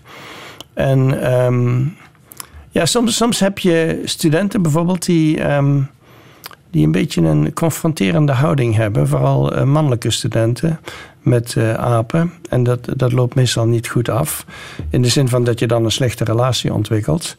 Eh, slechte relaties die, die je ziet, zie, zijn eigenlijk bijna altijd binnen gender. Hè? Ook, de competitie ook bij mensen zit, natuurlijk, zit Ja. natuurlijk. Vrouwen com- hebben competitie met elkaar en mannen hebben competitie met elkaar. Tussen de geslachten is er heel weinig, weinig competitie gaande. En dat is ook bij de primaten zo. Hè? Dus, dus, dus, Mhm. dus als, ze iemand, als ze aan iemand een hekel hebben, is het meestal een, een lid van hunzelfde geslacht. Is Ja. dat bij u ooit gebeurd? Is er ooit een Nee, geweest die een hekel aan ehm, u had? Nee, ik heb, ik heb altijd goede relaties met alle apen kunnen hebben. Het, het enige is wat bijvoorbeeld bij bonobo's. Ja, maar nou dwalen we wel af, hè? Maar, maar het is, het is Het gender is interessant, alles is interessant. Het is gendergerelateerd. Bij bonobo's, ehm, de vrouwelijke bonobo's moeten niet veel van mannen hebben. Eh, en eh, ik als man zijnde. Eh, dus, dus er waren bepaalde vrouwelijke bonobos die wel seksueel in mij geïnteresseerd waren. En dan lieten ze hun genitaliën zien en zwaaiden ze naar me en nodigden me uit. Dus, dus er was wel flirtgedrag tegenover mij. Maar ze zagen mij nooit als een soort van medestander of een vriend of weet ik wat. En eh, toen ik, op een gegeven moment had ik een vrouwelijke studente. Die, eh, die werd heel anders behandeld dan ik. Ik kan me nog herinneren dat bijvoorbeeld ehm, de vrouwelijke bonobos voedsel naar haar gooiden. Zij waren eh, aan de andere kant van de gracht van een of ander verblijf in een dierentuin. En die vrouwelijke bonobos die gooiden voedsel naar mijn student. Zo van, eh, jij moet ook eten. Als wij eten, moet jij ook eten. Dat hebben ze bij mij nooit gedaan. Dus die solidariteit met mij hadden ze niet, nee. Ja. Maar eh, vriendschap onder apen, ehm, wat is daar het doel van, denk je? Apen hebben heel veel vriendschappen, soms Ja. levenslange vriendschappen. Ja. Dus, o- meestal onder mannen of onder vrouwen. Ehm, en eh, ja, dat is een steun, ge- geeft ze steun. Dus voor de mannen is het ook vaak politiek. Ze hebben coalities die politieke gevolgen hebben. En als je dus twee of drie mannen hebt die samen optrekken, kunnen ze mm, eh, meer, meer invloed hebben op de groep. Eh, maar ehm, ja, die vriendschappen die, die geven levenslang steun. Het is ook mogelijk bijvoorbeeld bij vrouwen. Dat, ehm, eh, we, we hebben meegemaakt, en dat hebben ze ook ge- geobserveerd in het wild. Is dat als een van de twee eh, vriendinnen overlijdt, dat de andere de kinderen adopteert en, en de kinderen meeneemt. Hetgeen natuurlijk een hele klus is om kinderen van een ander groot te brengen. Dus ja, er zijn, zijn serieuze vriendschappen. En we weten ook uit onderzoek in het wild dat als dan een van de twee overlijdt, dat de ander dan eh, soms in een depressie raakt. En, en soms ook eh, niet lang daarna ook overlijdt, omdat ze zo gedeprimeerd zijn. Ja. U heeft inderdaad wel een paar overlijdens meegemaakt. Hè? Mhm. Zelfs eentje die eh, blijvende invloed op uw carrière heeft gemaakt toen u afscheid moest nemen van, van Luid, die op Ja. een gruwelijke manier is gestorven. Ja, die, die is afgemaakt door twee mannelijke chimpansees. eh, in, in een soort van politieke machtsstrijd. En eh, zoals ik er straks al zei, van, dat heeft mij beïnvloed om eh, op conflictoplossing te gaan werken Mhm. en samenwerking. Want Want wat was daar precies gebeurd? Wel, in dat geval, eh Luid was een hele goede alfaman. Eh, een hele populaire alfaman in de groep. Ehm, maar die is op een gegeven moment afgezet door die twee anderen die hem afgemaakt hebben. Die, die, die, die hebben hem s s'nachts een keer gepakt in het, in het nachthok. Toen, er, no- toen de hele groep eh, opgesplitst was. S'nachts worden ze opgesplitst in een nachthok. Hè, en overdag worden ze bij elkaar gezet op het eiland eh, of van Burgers Dierenpark. En die twee andere mannen hebben hem toen gepakt op dat moment.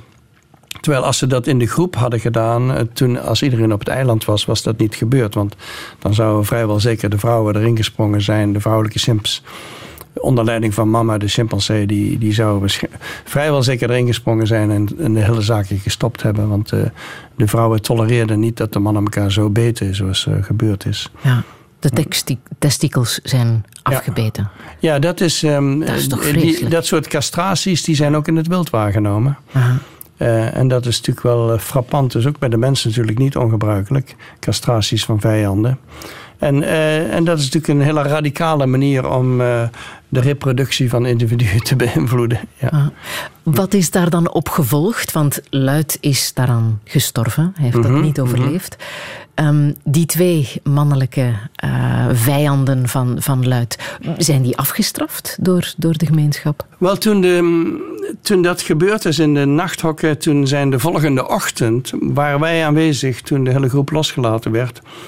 En eh, die twee mannen die zijn in de boom gejaagd door, de hele groep, de hele kolonie van 25 chimpansees op dat moment. En die, ehm, eh, die konden er niet uitkomen. Want ehm, die, telkens als ze probeerden uit die bomen te komen, werden ze weer teruggejaagd. Dus het was duidelijk dat de hele groep erg kwaad was op ze. En, en waarschijnlijk wist, precies wist wat er gebeurd was. Want dat konden ze natuurlijk allemaal horen in het gebouw. Ehm, ja, dus... eh, en, en die coalitie is heel snel uit elkaar gevallen, want ze hadden natuurlijk geen gezamenlijke vijand meer. Dus ze hebben samen wel eh, luid eh, ge- aangepakt, maar daarna eh, konden ze niet meer met elkaar overweg. En is er een opvolger gevonden voor Luid? Ja, ja op, een gegeven, op een gegeven moment is een van hen is alfaman Toch wel één, ja. van die twee dan? Ja, ja. Ja. Hoe was het voor, voor u om afscheid te nemen van, van Luid? Ja, die, Hoe neem je afscheid van een aap? Wel, hij is overleden op de operatietafel, dus ik ben niet toe- toegekomen echt aan een afscheid, nee. Ah. Had dat Maar dit, we hebben wel gezien u? natuurlijk, eh, wat afscheid betreft, hebben we wel gezien toen mama de chimpansee overleed. Ja. Toen heeft de dierentuin, eh, zij was ve- 59 op dat moment. Toen heeft, en, en, er- en er is een heel beroemd filmpje van Jan van Hoofd, de professor, die haar omarmt. eh, wat op YouTube te zien is, hè? ja, ongeveer, Ja. ongeveer twee weken voordat ze, of één week misschien voordat ze overleed. Eh, maar wat de dierentuin toen deed, iets wat de dierentuinen nu steeds vaker doen in feite, is dat ze het, het lijk van mama beschikbaar maakten aan de groep. Vro- Vroeger werden, eh, was een dood, werd een dood dier gewoon eh, weggeruimd en, en dat was het. En nu weten we dat voor heel veel dieren, maar zeker voor mensapen, olifanten, dat soort dieren, eh, dat ze mm, eh, een, een periode nodig hebben om afscheid te nemen van iemand die eh, overleden is. En ook om, om te zien dat ze, dat, ze, dat ze zeker zijn dat iemand overleden is. En dus de dierentuin maakte dat lichaam beschikbaar. En de groep reageerde, zoals altijd, chimpansees zijn doodstil. Als ze, als ze, als een, een, dat is niet typisch voor de soort. Is eigenlijk heel luidruchtig. Ze zijn doodstil en dan benaderen ze dat lichaam. Maar wat de mannen deden was... ehm, proberen het te reactiveren en erop te springen en het weg, weg te trekken. Het, hetgeen natuurlijk niet ongebruikelijk is, ook bij de mensen in de ziekenhuizen hebben we ook reanimatiepogingen van eh, mensen die eh, overleden zijn en zo. Dus dat, dat is wat de mannelijke chimpansees deden, een soort van reanimatie om te kijken of ze wel echt dood was. En wat de vrouwelijke chimps deden was ook wel interessant, is dat ze luisterden aan haar mond, waarschijnlijk om te kijken of er a- um, geademd werd. Eh, en dat ze een, een arm oplichten en lieten vallen. Om, ook, ook waarschijnlijk aan het uittesten of ze wel echt dood was. En ehm, erg beïnvloed door ehm, haar overlijden. Rouwen ze? Ja, want ze zijn gedeprimeerd soms eh, voor weken. Eh, zeker voor dagen lang dat ze misschien niet eten. Ehm, We hebben laatst gehad een, een vrouwelijke chimpansee in diezelfde groep. Die had een eh, miskraam. En toen hebben we gemeten wat er gebeurde op de dag van de miskraam en de dagen daarna. En op de dag van de miskraam kreeg ze enorm veel eh, vriendelijke klopjes op de schouders en kussen van, van iedereen in de groep. Niet alleen haar, eh, haar vriendinnen. En, en voor een maand lang had ze, werd ze veel vriendelijker en aardiger behandeld door de anderen dan, ehm, dan voorheen. Dus ehm, eh, die chimpansees die hielden daar soort van rekening mee dat dat, dat een, misschien een ingrijpend iets was voor haar.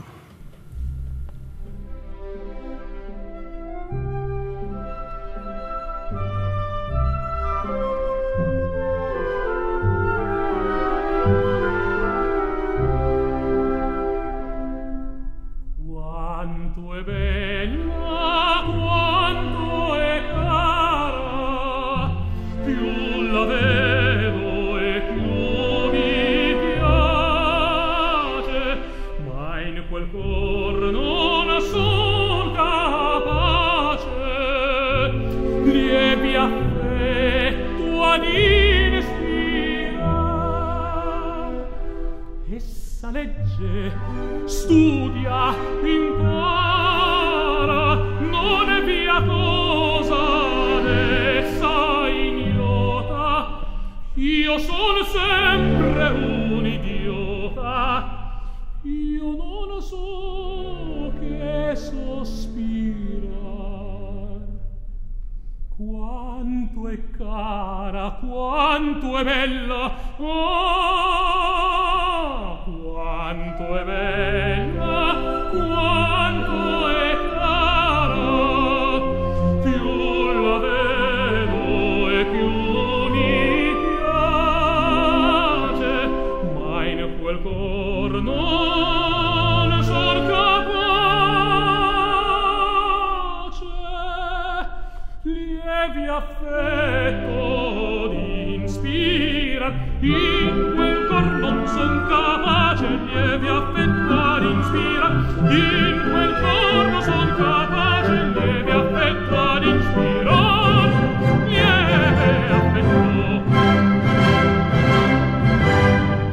In quel cor non son capace. Ah non son capace. Lievi affetti affetto ad.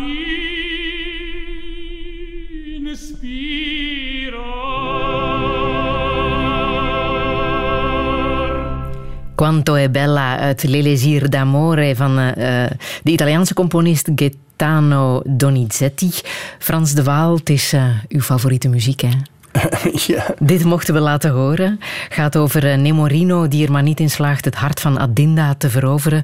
Is dat mm, herkenbaar ook in de primatenwereld? Er moet gewerkt Nee, maar ik, worden? ik vind opera altijd... eh, opera is zo allemaal mens, menselijke emoties en Mhm. affaires en eh, onbeantwoorde liefdes en drama's. En, het is allemaal sociaal drama en dat is in feite wat ik, wat ik bestudeer bij de APA. Ja, ja, ja, dus zeer herkenbaar ook in Dus eh, de eh, primatenwereld. en ik vind opera altijd wel mooi eigenlijk. Ja. Ja. Ook opvallend in uw boek is dat u schrijft eh, reproductie ehm, van de, het, het, eh, de gemeenschap is eh, absoluut niet de drijfveer voor de seksuele handelingen die ze doen. Hè. Dat is, seks is het genot. Zij denken niet na over wat daarna volgt. Ja, het is wel jammer dat ehm, de BBC en dat soort clubs die ons natuurprogramma's geven, altijd spreken in functionele termen. Dus die, dat hebben ze van de biologie natuurlijk, is van alles is gericht op de voortplanting. En, en de, succesvol, de seks- succesvolste individuen hebben de meeste nazaten. En, en ze doen net eigenlijk alsof dieren daar iets van weten. Eh, maar dat is de biologie. Dat, is, dat komt puur uit de biologie.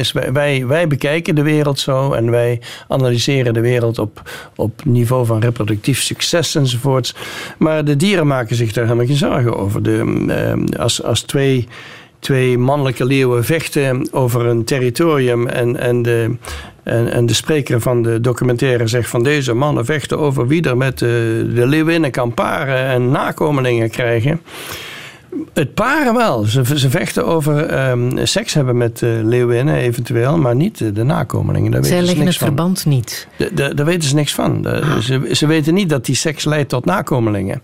En dus eh, het is erg misleidend, vind ik altijd, hoe die natuurdocumentaires spreken over dieren. Eh, want in feite gaat het hem om seks, om seks niet, niet om voortplanting. Ja. Ja. En omdat dat genot is. Zij voelen ook En er zit genot aan vast. Ja, en dus dat is ook belangrijk, is dat er bepaalde soorten zijn, zoals de bonobo en de dolfijn. De dolfijn is een soort van de bonobo van de zee, eh, die, die heel veel extra seks hebben, seks die niks met reproductie te maken hebben. En die hebben ook de grote, grote clitorissen. Dus de, de dolfijn heeft de grootste van de dierenwereld en de bonobo misschien de ene grootste. En, eh, en genot is dus een heel belangrijk onderdeel. Dat, dat, dat werd vroeger onderschat. De, de vrouwelijke seksualiteit werd een soort van ehm, in een hoekje gedrukt. Eh, dus heel Victoriaans eigenlijk. Er werd gezegd dat eh, mannen willen seks, maar vrouwen die, ehm, die, die doen er wel aan, maar dat is niet per se wat ze willen. En eh, dat hele beeld van vrouwelijke seksualiteit is veranderd nu. Ja. Eh, En daarom is de, ook de bonobo wel een heel interessante soort om te bekijken. Want er is natuurlijk heel veel seks daar gaande. En, en vaak geïnitieerd door de vrouwen. Ja. Hoeveel moeite heeft u moeten doen om uw vrouw te veroveren? Om mijn eigen vrouw Ja. te veroveren. Want ik ben meer door haar veroverd dan dat ik haar veroverd heb. Aha, Ja.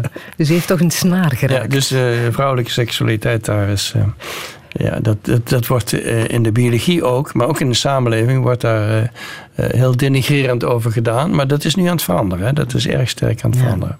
Catherine noemt u uw favoriete primaat, hè? Ja. Ja, al meer dan een halve eeuw. Mhm, ja. Hoe zit dat in, in de dierenwereld? Eh, hoe trouw zijn, zijn primaten aan elkaar?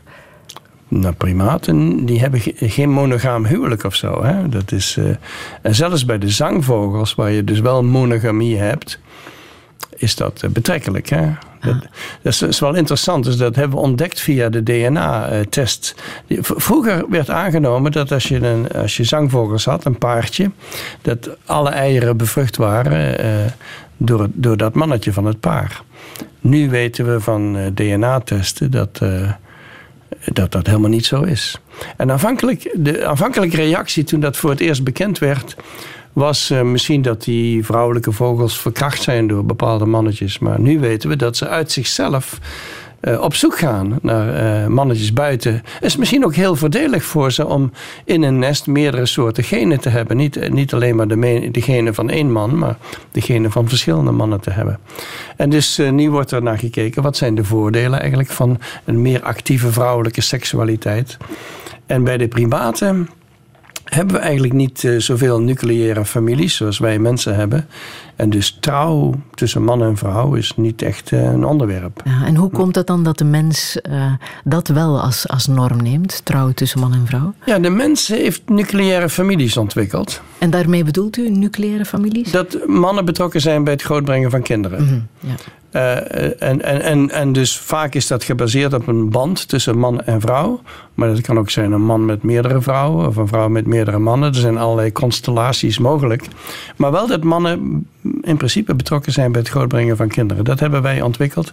En, en dat is ook waarom wij nu 8 biljoen mensen op de wereld hebben. Want dat is een heel succesvolle strategie gebleken. Want we hebben een korter interval tussen geboortes dan de mensapen hebben. De mensapen hebben, de vrouwen hebben een kind misschien elke vijf tot zes jaar. En, en de mens, eh, als je kijkt naar de jager-verzamelaars bijvoorbeeld, is elke drie à vier jaar. Dus wij zijn al eh, sneller aan het reproduceren door die nucleaire families. En eh, dat is waarom we zo succesvol zijn in de wereld voor een deel.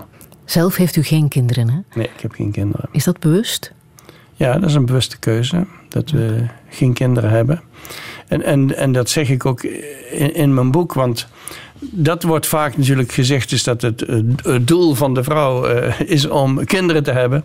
En dat is het enige wat... ehm, eh, waarin ze beter is natuurlijk als de man. Ehm, maar ehm, ik vind tegenwoordig in de huidige maatschappij... is dat niet per se het doel van de vrouw... of het doel van een huwelijk om kinderen te maken. Ja. Wat weet u over eh, kinderloze primaten? Kinderloze primaten zijn er niet zoveel. Eén interessant geval wat ik ooit meemaakte was een eh, vrouwelijke makaak. Die, die trouwens de baas was van haar groep. Dus heel ongebruikelijk. Dat, ze was dominant ook over de mannen. Dus een, een, eh, een, een vrouwelijke makaak die, en die had geen kinderen. En die was heel goed in het oplossen van conflicten binnen de groep. Hetgeen meestal een mannentaak is. Die stapt in als er een ruzie is. Stopt de ruzie, bestraft misschien degene die de ruzie begonnen is of iets in die geest. Eh, Dat zijn meestal de mannen die dat doen. Maar zij was daar heel goed in. En ik heb naar de hand gedacht, de reden dat ze zo goed was daarin was misschien omdat ze juist geen kinderen had. Want, want voor de meeste hooggeplaatste vrouwelijke primaten is het heel moeilijk om ehm, een ruzie binnen te stappen zonder partijdig te zijn. En om een ruzie goed op te lossen moet je onpartijdig zijn. En eh, vrouwelijke primaten hebben bijna altijd kinderen en kleinkinderen. Hebben soms eh, zo- zo- zo'n vrouwelijke makaak zou, zou met gemak twaalf ehm, familieleden in de groep kunnen hebben. Hetgeen betekent dat ze heel moeilijk onpartijdig kan zijn. Vrouwen zijn heel, eh, vrouwelijke primaten zijn heel erg in het beschermen van hun kinderen en hun kleinkinderen. En dus die, die, ehm, eh, die, die objectieve taak om objectief in een conflict binnen te stappen en het conflict op te lossen, dat is eh, eigenlijk makkelijker voor mannen dan, dan voor vrouwen.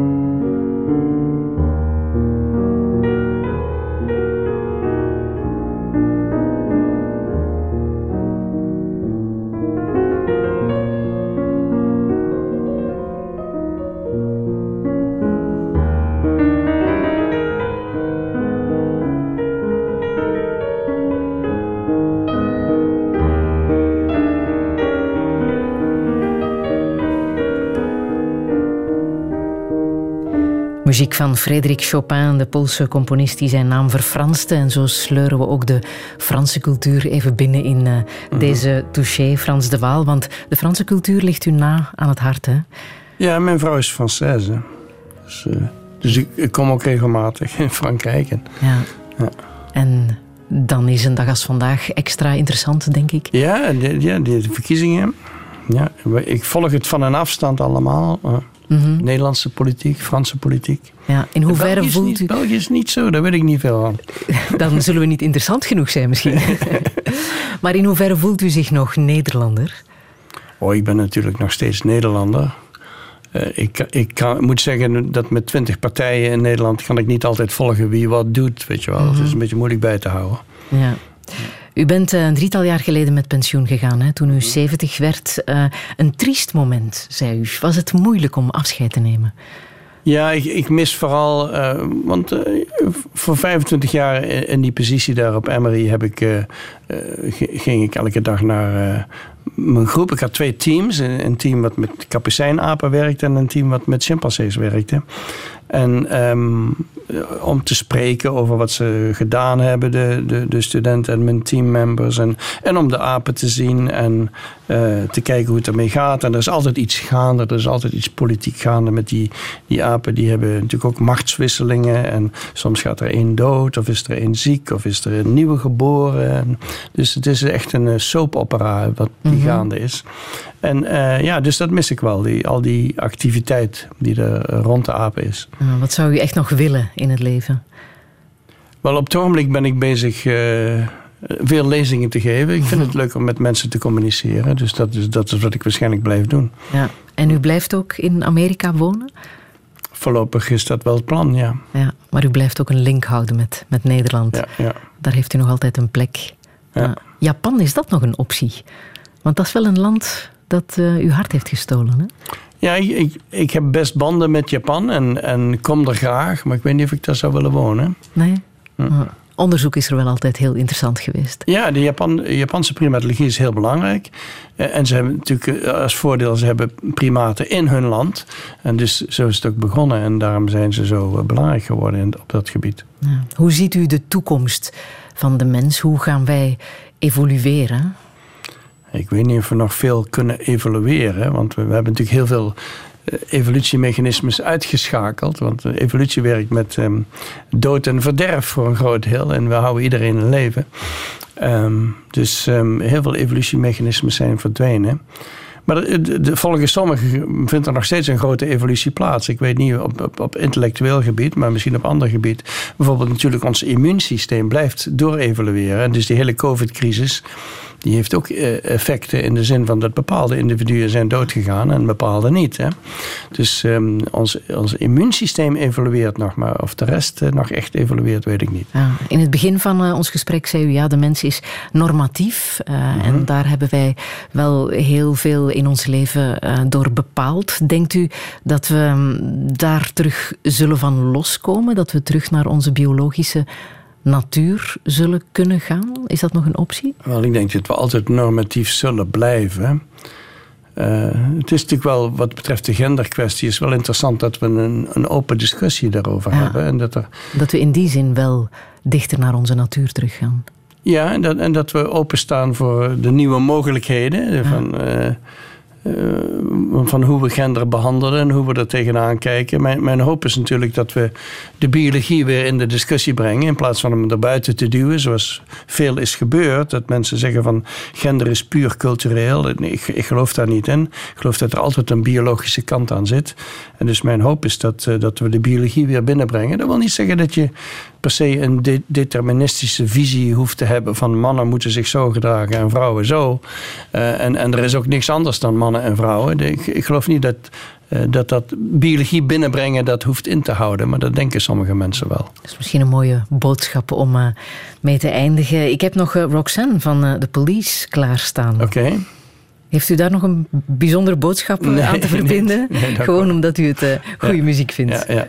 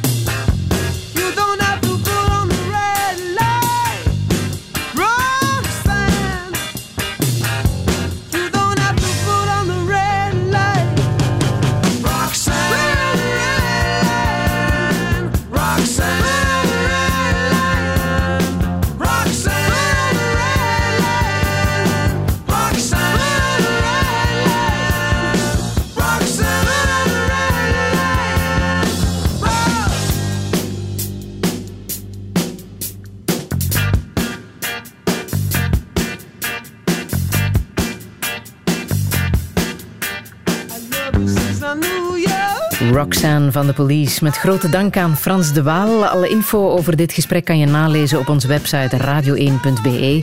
Volgende zondag is er de laatste touché van dit tiende seizoen. Met een landgenote van u die ook is uitgeweken, maar dan naar Londen. Lia van Beckhoven, die wij kennen als eh, nieuwscorrespondente. Ik wens u nog een heel fijne zondag.